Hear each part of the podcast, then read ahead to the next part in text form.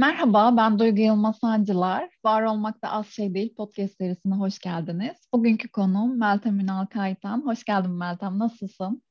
Merhabalar, hoş bulduk. İyiyim, sen nasılsın?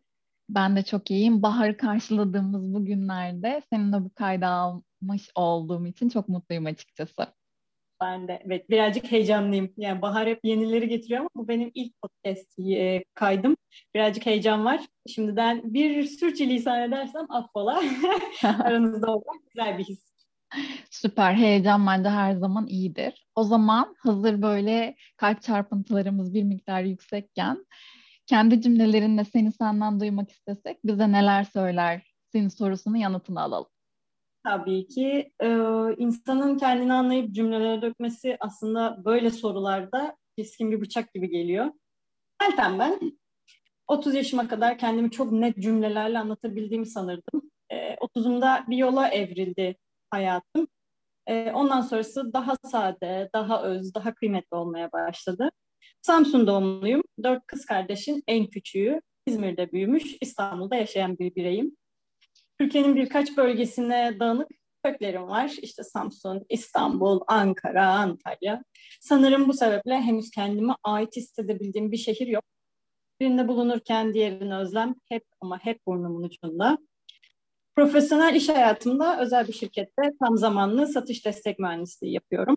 Bunun yanında yoga eğitmenliğim ile haftanın 3-4 günü online platformumuz YogaVan'da farklı tarzlarda dersler vermekteyim e, mutfakla ilişkim galiba doğumumdan beri başlamış. E, ebenin yardımıyla mutfakta doğdum açıkçası. Doğmuşum daha doğrusu.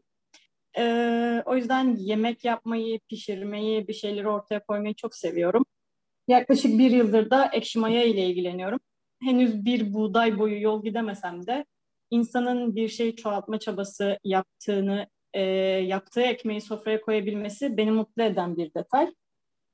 Şimdilik bu kadar özetleyebilirim galiba kendimi. Daha çok anlatılacak şey vardır mutlaka ama cümlelerim Meltem Ünal Kaytan için bu kadar.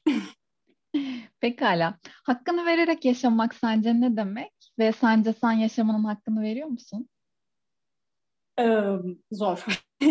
Hak diye iddia ettiğimiz kavram bence çok değişken. Ee, Meltem olarak değer ve kıymet verdiklerime zaman ayırabiliyorsam evet o an hakkını vererek yaşıyorumdur. Ama anlık değişen bir kavram üzerinde çok da düşünmemeye çalışıyorum. Örnek vermem gerekirse şu an bu konuşmayı duyguyla yaparken tüm algım ve dikkatimle buradayım. Gönül rahatlığıyla bu tatlı sohbetin hakkını vermeye çalışıyorum. Keyif alıyorum. Hafta sonu eşim uyurken sabah kalkıp evi kahve kokusuyla doldurup 10 dakika bile e, elime bir kitap alabiliyorsam hafta sonuma hakkını vererek başladığımı düşünüyorum. Ya da yorgunsam, üzgünsem, sinirliysem bu duyguların da hakkını vererek yaşamaya çalışıyorum. İçinde bulunduğum anda dikkatimi sadece o an ve o olaya verebildiğim her noktada evet ben hakkını vererek yaşadığımı düşünüyorum. Veremediğim anlarda da bunun üzerine o anda değil daha sonra hakkını verecek ortamda düşünmeye çalışıyorum. Pekala. Çok güzel bir yanıt oldu Meltem. Seni bugünkü sen yapan, seni bir adım ileriye, çok adımda kendine götüren en büyük farkındalığın ve aksiyonun neydi? Açıkçası bu konudan bahsetmeyi çok seviyorum. Ben kendimi fark ettiğimde 30. yaşımdaydım açıkçası. Ee, iki sene önce kendime doğum günü hediyesi olarak yoga eğitmenliği eğitimi almıştım. Eğitmenliği eğitimi nedir? Ee, 7-8 aylık yoğun ve e, sonu 5 günlük tam bir inzivayla biten bir keşif yolculuğu.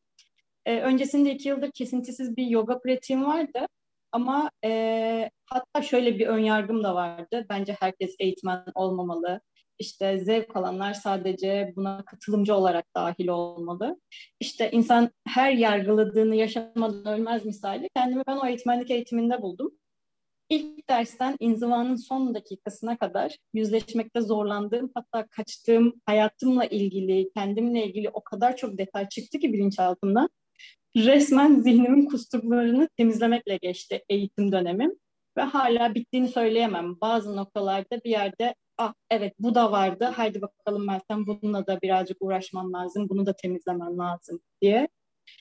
Şimdi e, aklımda eğitmenlik olmasa bile herkesin o muhteşem yolculukta kendine bir yer edinmesini dileyebilirim belki de. E, çünkü sadece pratik değil, yoga eğitmenlik eğitiminde öğrendiğim o kadar çok şey detay var ki 30 yaşıma kadar bildiğimi zannedip asla bilmediğim noktaları fark ettim.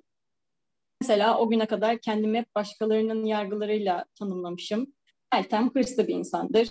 Meltem agresif bir insandır. Meltem ters bir insandır. Meltem balık etli bir insandır.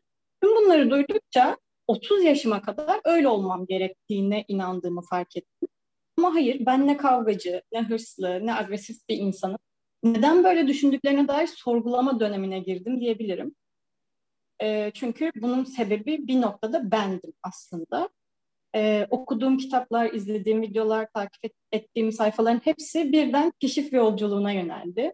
Beyaz yakalılığın üstüme yapıştırdığı o etiketlerin hiçbirine sahip değildim. Hayatımdan gereksiz yorumları, yargılama, yargılamaları ve yargıları ele, e, elemeye başladım. Varsayımla değil, olduğum gibi görünmeye başladığımda aslında insanlar yine yargı cümleleriyle karşıladı beni. İki yıl içinde yaklaşık 13 kilo verdim. Meltem çok değiştin. Hayır, ben değişmedim. Ben özüme, hissettiğime yaklaştım. Sizin görmek istediğiniz Meltem olmamayı tercih etmeye başladım açıkçası. Ben bir bireyim ve bu hayatta sadece bir toz zerresiyim. Bunu çok önemsiyorum aslında. Hangi insan olursa olsun biz bu hayatta birer toz zerresiyiz. Bir gün varız, bir saat, bir dakika sonra yokuz. Sandığınız, sandığımız kadar hiçbirimizin önemi yok. Böyle özetleyebilirim. E, Meltem, e, biz seninle çocukluk arkadaşıyız. Birkaç sene ilkokulda beraber okuduk ve sonrasında da sanıyorum 5-6 senelik bir mektup arkadaşlığı e, hikayemiz var. O açıdan e, apayrı bir yerin var benim hayatımda. ve ben ben seni e, şu an olduğun Meltem olarak hatırlıyorum. Yani aslında çocukken zaten özümüze en yakın halimizliyiz evet. ya. E, o yüzden anlattıkların bende çok çok çok e, büyük bir yer etti şu anda. O insanların işte hırslıdır, kavgacıdır Meltem söylemleri bana inanılmaz tuhaf geldi. Seni seneler sonra yeniden bulup e, o ruh arkadaşlığının devam etmesinin kıymetini de az çok bildiğim için o yüzden ben şu anki Meltem'i e, o gayet çocukluk arkadaşım ve mektup arkadaşım Meltem olarak çok eşleştiriyorum. Aradaki hikaye bende yok. E, o yüzden kendine yeniden, özüne yeniden e, değebilmene çok sevindim açıkçası. Kaldığımız yerden devam ediyoruz diyebilirim kesinlikle, kesinlikle. Peki, bizi dinleyenler için kitap ya da film önerecek olsan bunlar neler olurdu ve neden? Oh, mektup arkadaşım, yani mektup arkadaşlığına dayanan bir arkadaşlık aslında kitap alışverişi de çok önemli. Çünkü yazabilen bir insan aynı zamanda yoğun bir okuma döneminden de geçer. Ben bir şey çok iyi hatırlıyorum. Ee, üç ablamla aynı odada büyüdüm ben. Ve e, kimisi ertesi gün erkenden okula gidiyordu, kimisi ertesi gün erkenden işe gidiyordu. Ben o çocukluk döneminde el lambasıyla yorganın altında kitap okurdum.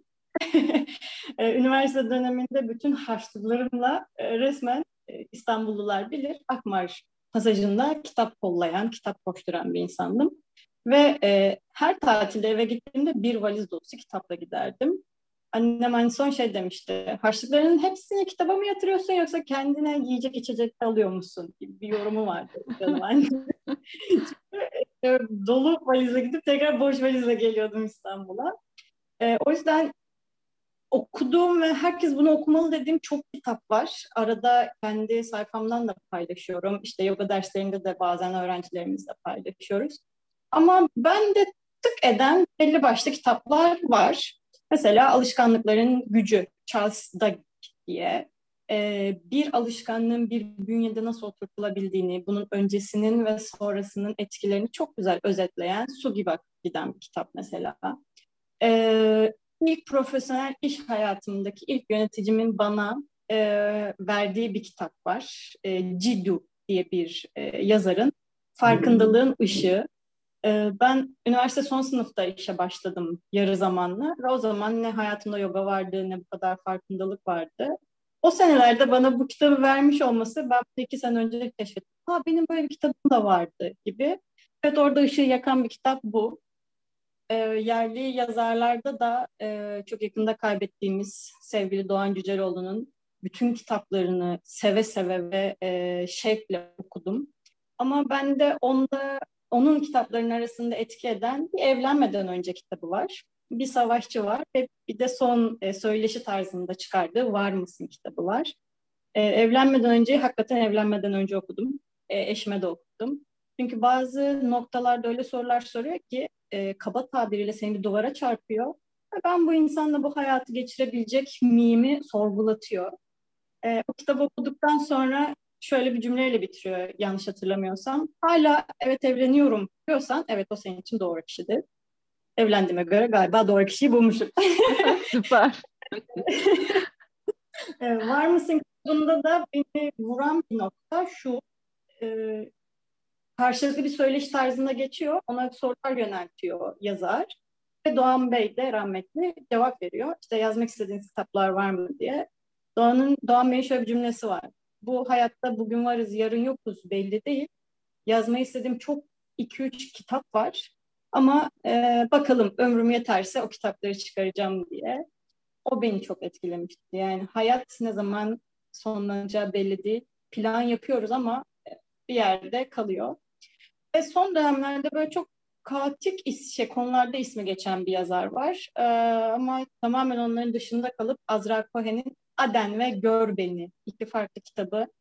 Ee, cümle kurguları bende yaşattığı o noktasal atışlar çok hoşuma gitti. Bu kitapları önerebilirim şimdilik. Daha çok öneri isterseniz bana özelden yazabilirsiniz. ya da seni takip edebilirler belki. Peki seninle yaptığımız bu bölümün adı ne olsun?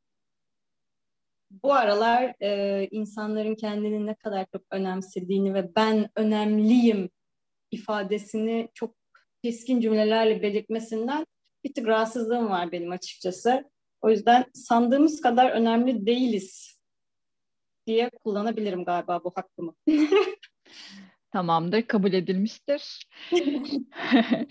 Bundan sonraki bölümün adının ne olmasını isterdin? Ee, senle çok yıllar önce belli bir dönemdeydik. Okey. Ve benim arada çok böyle geniş yayıldım. Senin de vardır. Ve şu an tekrar o duyguyla Meltem'in çocukluk anlarındaki Meltem'e dönmeye çalışıyorum ben. O dönemlerimi arıyorum. Bunların hepsi hayatımda dönem dönem. Hayatının hangi dönemindesin olsun bence bir sonraki bölüm. İnsanlar birazcık da bunu düşünsün. Kaç yaşında, hangi dönemde? Peki. Geldiğin için çok teşekkür ederim Meltem. İyi ki varsın ve hep var ol. Ben de çok teşekkür ediyorum. Gözlerim dolu dolu bir söyleşi oldu. İyi ki varsın Duygu.